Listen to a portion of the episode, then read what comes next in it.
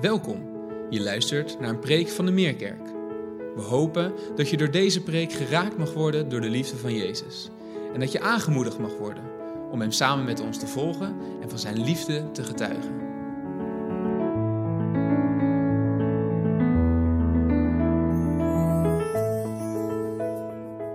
Goedemorgen. Ik probeer mijn preek in het Nederlands te houden vandaag. Ik had het in het Duits voorbereid. Matrea zei, nou, ik doe het Duitse gedeelte wel. Nou, fantastisch. Ik hoop dat eh, iedereen die Duits sprekend is wel iets mee mag krijgen ook van de woorden van vandaag. We gaan door waar we gebleven waren als het gaat om de bergreden. We hebben gezien de bergreden van Jezus Christus. We zijn begonnen in hoofdstuk 5, daar startte de bergreden. We zijn vandaag aangekomen in hoofdstuk 6. Remy die sloot hoofdstuk 5 af. Uh, en voor degenen die dat niet meer herinneren, hij sloot af met een hele moeilijke geloofsuitdaging, namelijk om je vijanden lief te hebben en te bidden voor hen die jou vervolgen. Een redelijke geloofsuitdaging. Hij sloot daarmee ook een reeks onderwerpen af die ons in eerste instantie moeten bepalen bij de motivaties en de motieven, de drijfveren van ons eigen hart. En het ging allemaal om ja, toch wat negatieve dingen waarvan het goed is dat we dat niet doen. Dus het moorden, het geen overspel plegen, geen valse eet afleggen, geen wraak nemen en niet haten. Het zijn allemaal negatieve dingen waarvan het goed is dat we die niet doen. Jezus richtte zich daar al op ons hart. Dat niet alleen maar moorden, maar ook moorden met woorden. Nou ja, en ga zo verder. Maar nu komen we in hoofdstuk 6 aan van de bergreden. En gaat het niet meer om negatieve dingen. Nu gaat het om positieve dingen. En de essentie is nog steeds hetzelfde. De motieven en drijfveren van ons eigen hart. Ook als het gaat om de positieve dingen die wij kunnen doen. We willen lezen uh, vanuit de bergreden, hoofdstuk 6. En ik lees vers 1 tot en met 6 en het laatste gedeelte, tenminste het laatste gedeelte in het midden, uh, vers 16 tot en met 18. Die horen bij elkaar. Ik lees vanuit de MBV 21 vertaling. En daar staat: Let op dat jullie je gerechtigheid niet tentoonspreiden om door de mens gezien te worden. Dan beloont jullie Vader in de hemel je niet. Dus wanneer je iemand iets geeft uit barmhartigheid, waar zijn we dan niet rond zoals de huigelaars dat doen, in de synagoge en op straat, om door de mensen geprezen te worden. Ik verzeker jullie, zij hebben hun loon al ontvangen. Als je iets uit barmhartigheid geeft, laat dan je linkerhand niet weten wat je rechterhand doet. En zo blijft je gift in het verborgene. En jullie vader, die in het verborgene ziet, zal je ervoor belonen. En wanneer jullie bidden, doe dat dan niet als de huigelaars, die graag in de synagoge en op elke straathoek staan te bidden, zodat iedereen hen ziet. Ik verzeker jullie, zij hebben hun loon al ontvangen. Maar als jullie bidden, trek je dan terug in huis, sluit de deur en bid tot de Vader die in het verborgene is. En jullie Vader die in het verborgene ziet, zal je ervoor belonen. En dan vanaf vers 16 gaat Jezus ook door over het vasten. En dan zegt hij, wanneer jullie vasten, doe dat dan niet als de huigelaars met hun sombere gezichten, want zij vertrekken hun gezicht om iedereen te laten zien dat ze aan het vasten zijn. Ik verzeker jullie, zij hebben hun loon al ontvangen. Maar als jullie vasten, was dan je gezicht en wrijf je hoofd in met olie, zodat niemand ziet dat je aan het vasten bent. Alleen je vader, die in het verborgene is. En jullie vader, die in het verborgene ziet, zal je ervoor belonen. Het gaat hier om geven, bidden en vasten. Alle drie worden ze door Jezus als vanzelfsprekend bestempeld. Jezus zegt niet als jullie vasten, of als jullie bidden, of als jullie iets geven. Nee, wanneer. Wanneer jullie iets geven, wanneer jullie bidden, wanneer jullie vasten. Jezus gaat ervan uit dat elke volgeling, en in ieder geval iedereen die daar naar hem luistert, dit ook doet. Die geeft, die bidt en die vast. Maar ze worden ook alle drie gelinkt aan huigelaars. Hypocrieten, zoals het in het origineel staat. Mensen met een masker op. Toneelspelers. acteurs. Daar wordt het aan gelinkt. Dus blijkbaar kan je geven, bidden en vasten, goede dingen doen als huigelaar, hypocriet, als acteur, als iemand met een masker op. Anders voordoen dan wie je werkelijk bent. En Jezus gaat in dit stuk dus door waar hij gebleven was. Heel hoofdstuk 5 richt Jezus zich op het hart. En confronteert hij de mensen met de eigen motivaties, met de eigen motieven van hun eigen hart. En hier gaat het om geven, bidden en vasten. En de oplettende luisteraar, zeker als je de prekenserie hebt gevolgd vanaf het allereerste begin, dan zou je misschien wel denken dat is toch in contrast met wat we eerder een keer overdacht hebben. Namelijk dat Jezus in hoofdstuk 5 zegt, vers 14 en 16, jullie licht moet schijnen voor de mensen, zodat zij jullie goede daden zien en eer bewijzen aan jullie Vader in de hemel. En nou moeten we ineens toch weer ons terugtrekken in het verborgene of zo. Wat is het nou? Moeten ze nou onze goede daden zien of niet? Het grote verschil ligt hem hierin. En ik wil het jullie laten zien. Spanning, hè?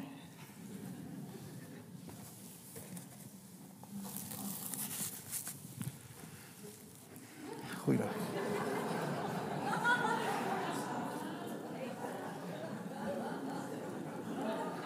Wij gaan zo verder.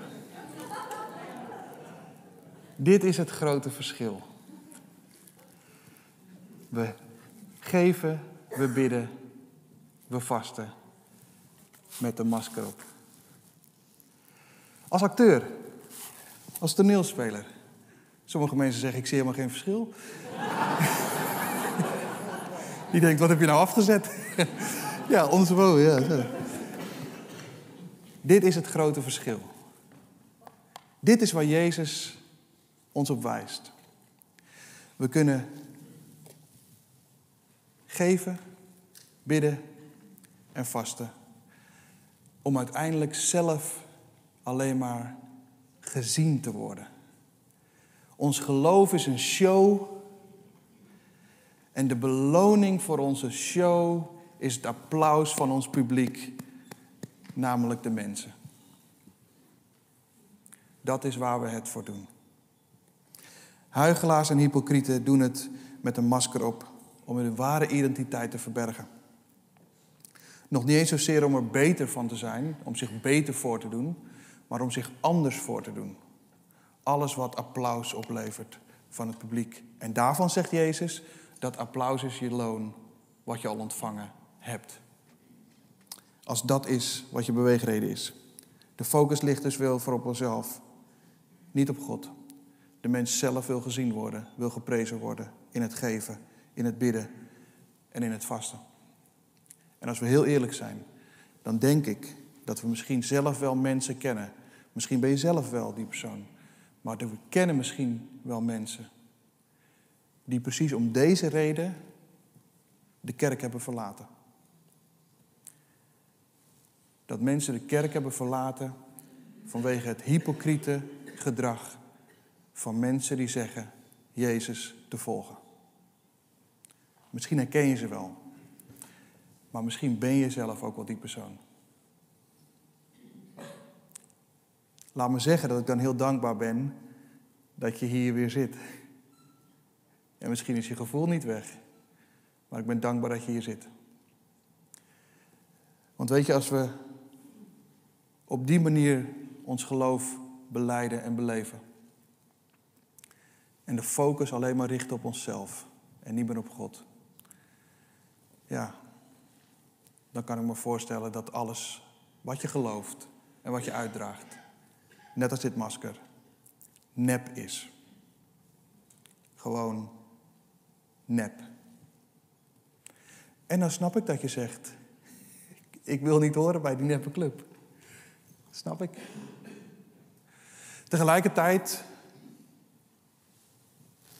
ga ik buiten de kerkmuren kijken en vraag ik mijzelf soms af hoe wij onszelf buiten de kerkmuren gedragen. Hoe we onszelf profileren op social media. is dat niet net zo nep? Is dat niet net zo plastic als dit masker?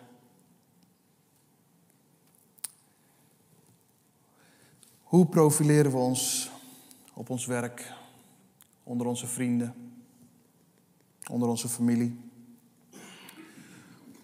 Hoe bewegen we en leven wij om misschien wel juist door hen geprezen en aanbeden te worden?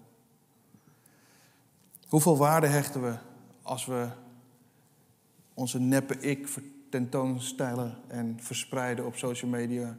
Hoeveel waarde hechten we vervolgens aan wat onze volgers daarvan vinden en hoeveel likes we hebben? Het lijkt soms wel alsof we veel meer waarde hechten aan wat een ander van ons denkt en vindt dan wat God zelf over ons zegt, denkt en vindt. En dat is ook hypocriet. Dat is ook toneelspel. Dat is ook nep. En hoeveel goede dingen kunnen we wel niet doen om zelf gezien te worden? Ik weet nog wel dat ik een keer een gesprek had. En tijdens dat gesprek zei die vrouw: Ja, mijn man neemt regelmatig bloemen mee. Ik zeg: Wauw, wat mooi. En terwijl ik zei: Ja, wauw, wat mooi, zei ze: Ja, als vrienden langskomen. Mijn man neemt regelmatig bloemen voor me mee als er die avond vrienden langskomen.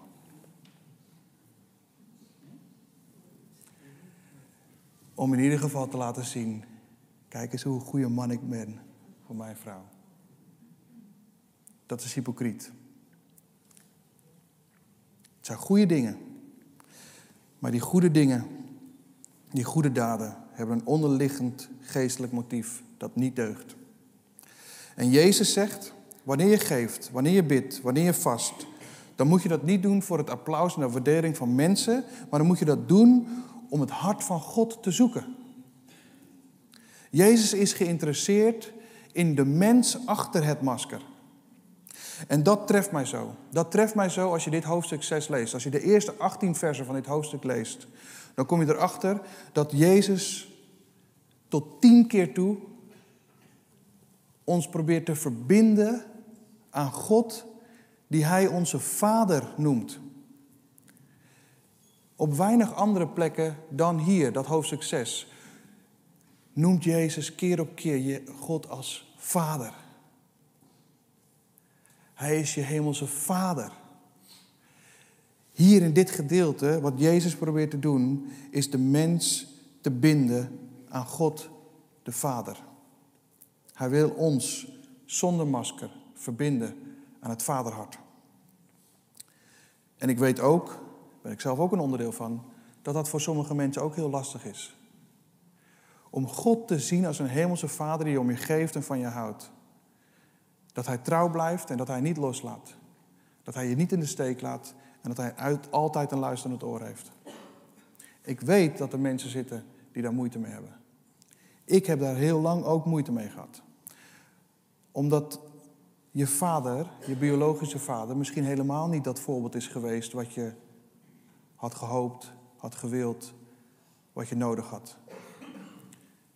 Misschien ben je helemaal niet geliefd geweest door je eigen biologische vader. Misschien heeft je eigen biologische vader nooit naar je omgekeken.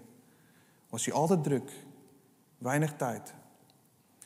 Als, als dat is wat je hebt meegekregen van huis uit, dan is dat misschien ook wel de manier waarop je kijkt naar God als je hemelse vader. En is het lastig om hem te accepteren op een andere manier, zoals Jezus het wel hier bedoelt. Ik hoop dat je die twee dingen kan loskoppelen.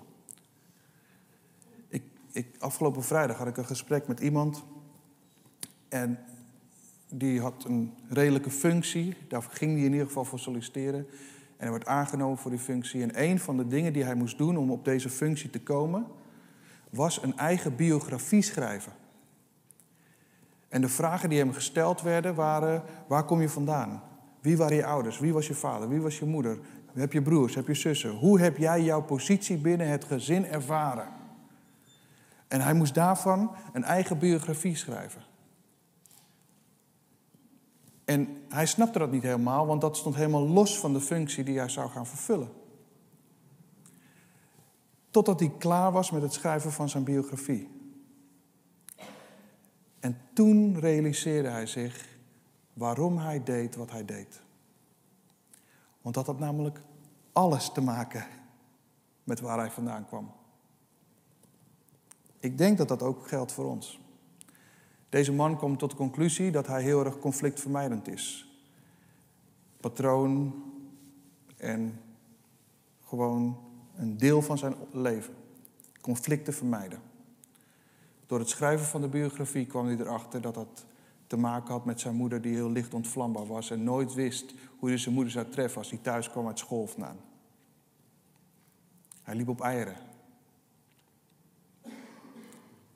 Door het schrijven van die biografie wist hij, nu snap ik waarom ik conflicten vermijd. We komen allemaal ergens vandaan. En het gedrag wat we vandaag hier en nu misschien wel tentoonspreiden, wat we laten zien, misschien heeft dat wel heel veel te maken met waar je vandaan komt. En misschien geeft het je wel een verkeerd beeld van wie God wil zijn als vader voor jou. De mens achter het masker. De vraag die ik aan jou wil stellen. Durf jij vandaag dat masker af te zetten? Durf jij vandaag dat masker af te zetten?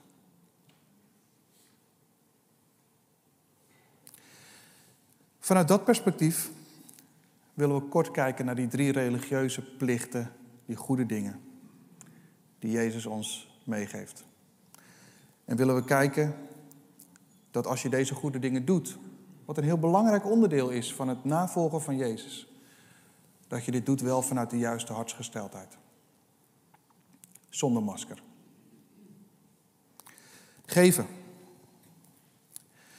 Het geven waar Jezus hierover spreekt, dat gaat over aalmoezen. En een aalmoes is een liefdegift aan een behoeftige. Vaak uit barmhartigheid en medelijden.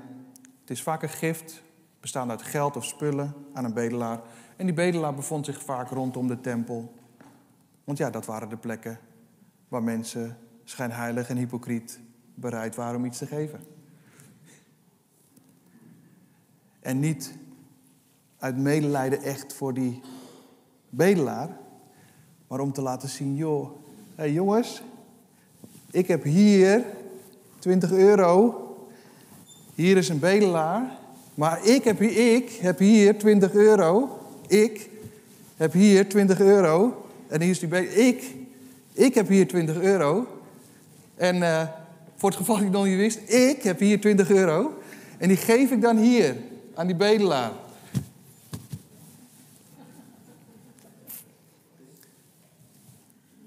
En Jezus zegt, stop dan maar mee. Huigelaar, hypocriet. Want het gaat niet om jou. Je legt de focus op de verkeerde persoon. Het moet niet bij jou liggen, bij God. Dus geef maar gewoon omdat je van deze man houdt en voor hem wil zorgen. Los van wat andere mensen denken en zien. Ze willen rechtvaardig lijken. En Jezus roept op om rechtvaardig te zijn. Datzelfde geldt voor het bidden. De Bijbel zegt, als jullie bidden, trek je dan terug in huis. Het Griekse woord wat daarvoor staat, betekent letterlijk een opbergkast of een geheime ruimte. En dat is een prachtige metafoor, omdat het iets zegt over het naar binnen toe. Als je bidt, keer eerst naar binnen toe de geheime kamers van je hart, wat er daar speelt. Keer eerst naar binnen toe. Het gaat niet om de andere mensen dat ze zien dat je allemaal bidden, wat mooi is en fantastisch is. Het is ook niet slecht dat andere mensen zien dat je, dat je bidt, maar keer eerst naar binnen toe. De geheime kamers, die opbergkast van je eigen hart en wat daar zich allemaal afspeelt. Keer naar binnen toe.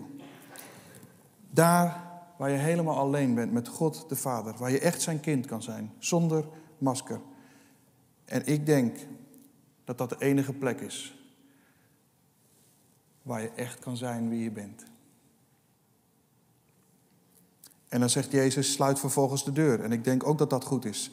Want als je eenmaal binnen bent in die geheime kamers, in die geheime plekken van je hart, in die opbergkast, dan moet er eerst van alles buiten worden gesloten. En wat er buiten moet gesloten worden, daar heeft Trea ook iets over gedeeld, dat is wat er in ons hoofd omgaat. De drukte, de prikkels, de gedachten, het idee en het gevoel dat mensen met je meekijken, de afleiding, de onrust, de plannen en vooral datgene wat andere mensen van je verwachten. Dat moet je nou precies daar buiten laten. en als je dan in die stilte bent, dan kom je daar allerlei dingen tegen, wat misschien ook wel ingewikkeld is.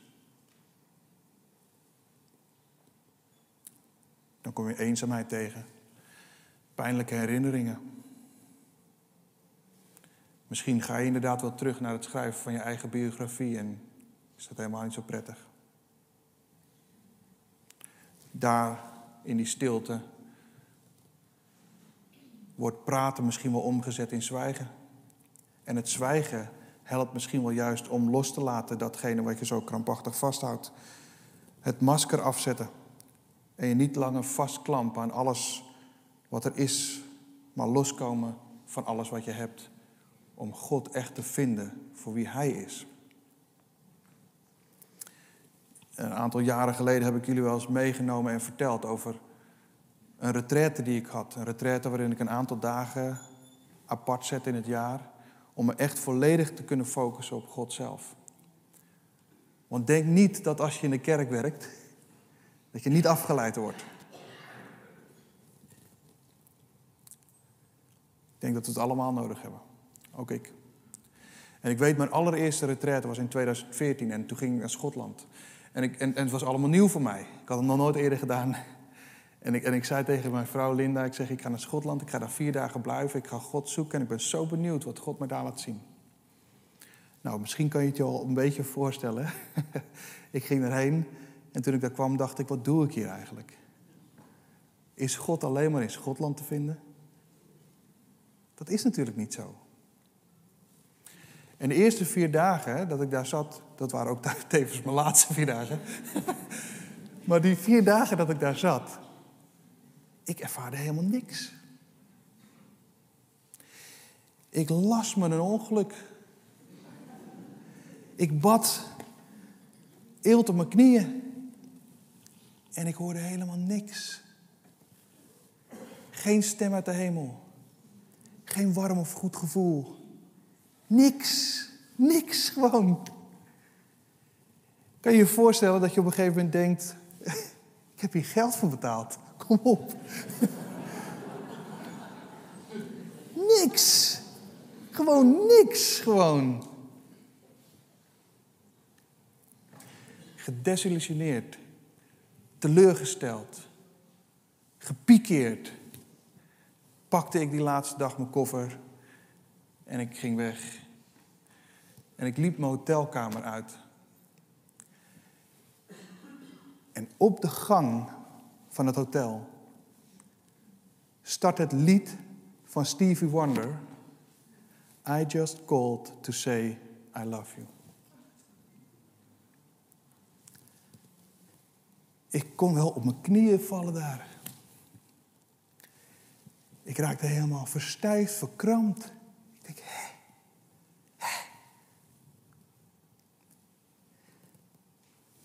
Ik ben van Nederland hier naartoe gekomen. Ik dacht dat ik u zou vinden in het lezen van het woord. Ik dacht dat ik u zou vinden op mijn knieën.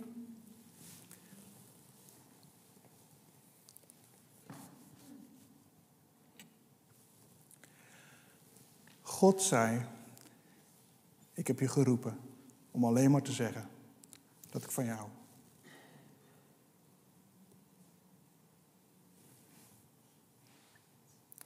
Was het geld waard.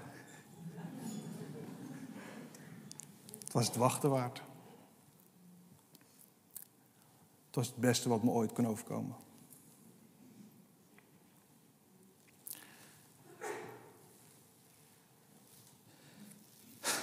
Jezus gaat verder en heeft het ook nog over vasten. Het laatste onderdeel. We zitten inderdaad in een 40 dagen van vaste tijd.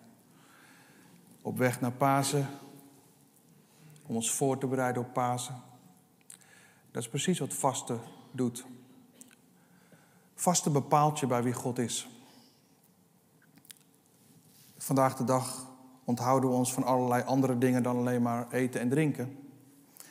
Uh, maar hier ging het om eten en drinken, om je tijdelijk te onthouden van eten en drinken. Maar het vasten, waar Jezus over spreekt, was altijd onlosmakelijk verbonden met gebed. Je kan bidden zonder te vasten. Maar je kan niet vasten zonder te bidden. Vasten is altijd onlosmakelijk verbonden met gebed. En ook hier, uiteraard, gaat het erom dat je je masker afzet. Het gaat niet om jou. Het gaat niet erom dat als je vast, dat je misschien aan het eind van de rit twee kilo lichter bent. Nee. Het gaat om God zelf. In het Oude Testament lezen we in Jezaja een prachtige samenvatting over het vasten dat God zelf verkiest. In Jezaja 58, daar omschrijft God het vasten dat hij verkiest. En de reden waarom ik dit noem, is omdat het ook alles te maken heeft met de beloning die God ons wil geven. Want tot drie keer toe, zowel over het geven als het bidden als het vasten, spreekt Jezus over een beloning. Een beloning van de mens die je al ontvangen hebt, de applaus en de waardering. Maar hij spreekt ook over een beloning die God wil geven. En ik denk dat je die hierin ook kan vinden. In Jezaja 58, vers 6 tot en met 9, daar staat namelijk dit. Is dit niet het vaste dat ik verkies, zegt God dus. Het vaste dat God verkiest is misdadige ketenen losmaken, de banden van het juk ontbinden de verdrukte bevrijden en iedere juk breken. Het vaste dat ik verkies, is dat niet? Je brood delen met de hongerigen, onderdak bieden aan armen zonder huis, iedereen kleden die naakt is, je bekommeren om je medemensen. En dan komt het gevolg. Want dan, dan breekt je licht door als de dageraad. Weet je nog? Laat je licht schijnen. Je zult spoedig herstellen. Je gerechtigheid, weet je nog waar het Jezus om te doen was? Zijn gerechtigheid. Je gerechtigheid gaat voor je uit. De majesteit van de Heer vormt je achterhoede. En dan geeft de Heer het antwoord als je roept, als je om hulp schreeuwt. Dan zegt Hij, hier ben ik. Degene die Jezaja kennen, die weten dat Jesaja in hoofdstuk 6 geroepen wordt. Dat God vraagt, wie kan ik zenden? Wie kan namens ons gaan om te profiteren tegen het volk? Jesaja gebruikt diezelfde woorden. Jesaja zegt in hoofdstuk 6, hier ben ik, zend mij. En dan, zoveel hoofdstukken later, zegt God precies hetzelfde. Hier ben ik. Dat is misschien wel de grootste, meest waardevolle beloning die God jou en mij ooit kan geven. Zijn aanwezigheid.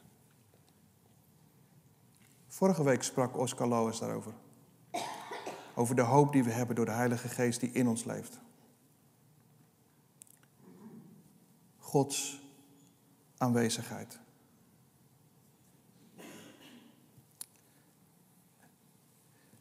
Oscar Loas sprak over de Heilige Geest die als voorschot werd gegeven op de erfenis.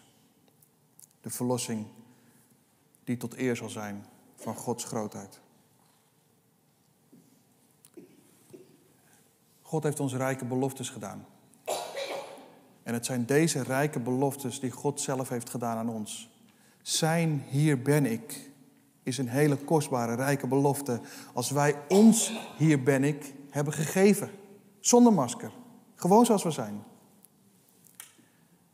Als dat hier ben ik heeft geklonken, klinkt Gods hier ben ik als hemelse vader die om je geeft en van je houdt en voor je wil zorgen. Zoals jouw biologische vader nooit zou kunnen doen. Zelfs al heb je een fantastische relatie met hem.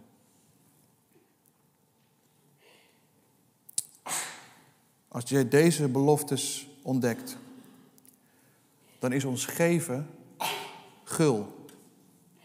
En tot eer van zijn naam. Dan is ons bidden van binnenuit, vanuit de verootmoediging in de stilte van de binnenkamers van ons eigen nederige hart. En dan is ons vasten, ons tijdelijk onthouden van eten en drinken. Dat is, niet, dat is alleen maar om nee te kunnen zeggen tegen onze eigen verlangens en ons te volledig te richten op God zelf. Om Gods beloning vanuit liefde en genade te ontvangen. Geen wereldse waardering, maar goddelijke aanwezigheid. Ik wil de band vragen ook om naar voren te gaan, vragen, om hier weer op het podium te komen, want we gaan straks een lied met elkaar zingen. Dat lied wat we net hebben gezongen als voorbereiding op de preek. Richt je oog toch op Jezus. Zie op naar zijn heerlijk gelaat. En als we opzien naar zijn heerlijk gelaat, dan mag dat zonder masker. Dan hoeft dat geen toneelspel te zijn. Dan hebben we geen menselijk publiek waar we een applaus van verwachten. Ons enige publiek is God zelf.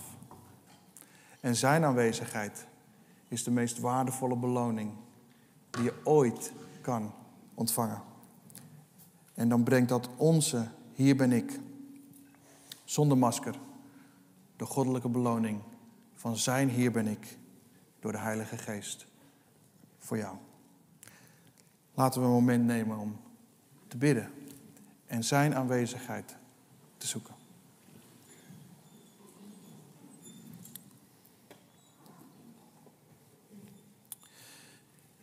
Ja, Heer, straks zullen we het weer zingen. Dan willen we ons oog richten op U, Jezus Christus, de grondlegger en voltooier van ons geloof. Zo waardevol hoe U ons meeneemt, Heer Jezus, in de bergreden. Dat zelfs goede dingen die we doen, als geven, bidden en vasten, dat dat met de verkeerde geestelijke motieven kan zijn. Spreekt u ons aan daar waar wij misschien wel dat toneelspel hebben opgevoerd. Misschien voeren we nog steeds wel een toneelspel op. Misschien zijn we deze ochtend wel hierheen gereden met een masker op. U kent ons, Heer. En als we dan zingen dat als we juist ons oog gericht houden op U, dan wordt al dat aardse zo wonderlijk vaag. Want dan staan we in uw goddelijk licht.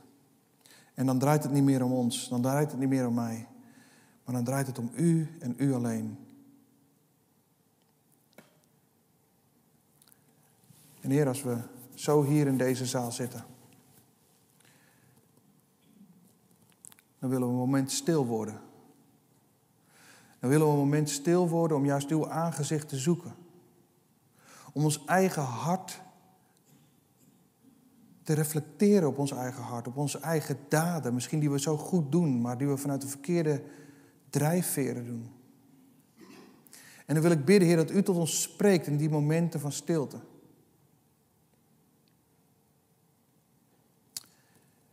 Heer, en als u dan tot ons gesproken heeft in die momenten van stilte, Misschien is het dan wel juist mooi als jij degene bent die hier zit. En jij misschien wel zelf de ervaring hebt hier met een masker te zitten. Of misschien heb jij zelf wel de ervaring of het verlangen om eindelijk een keer zonder masker bij God te komen.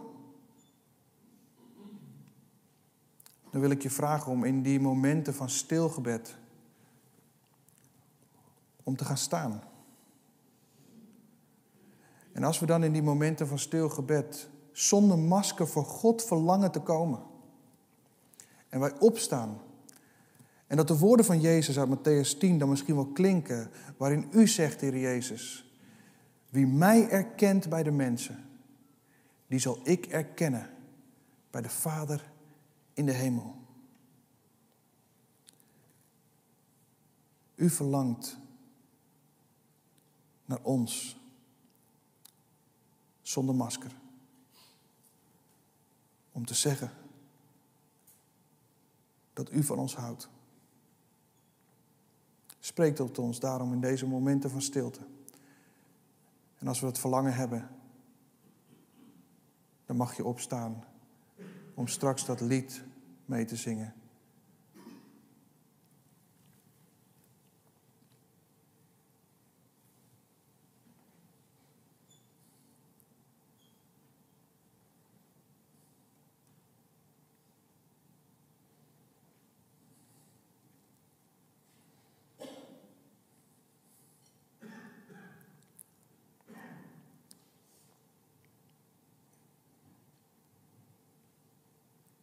Ja, en Heer, dan moet ik misschien zelf ook wel bekennen, Heer, dat als ik niet hier zou staan, maar in de zaal zou zitten, dan zou ik ook opstaan. Dan zou ik opstaan omdat ik ook verlang om zonder masker bij u te komen. En ik wil bidden ook voor de mensen thuis als je thuis zit. En je wil staan om daarmee aan te geven, ik wil zonder masker bij God verschijnen. Voel je dan ook vrij om thuis te gaan staan. Hier zijn we, Heer. Hier ben ik. Zonder masker.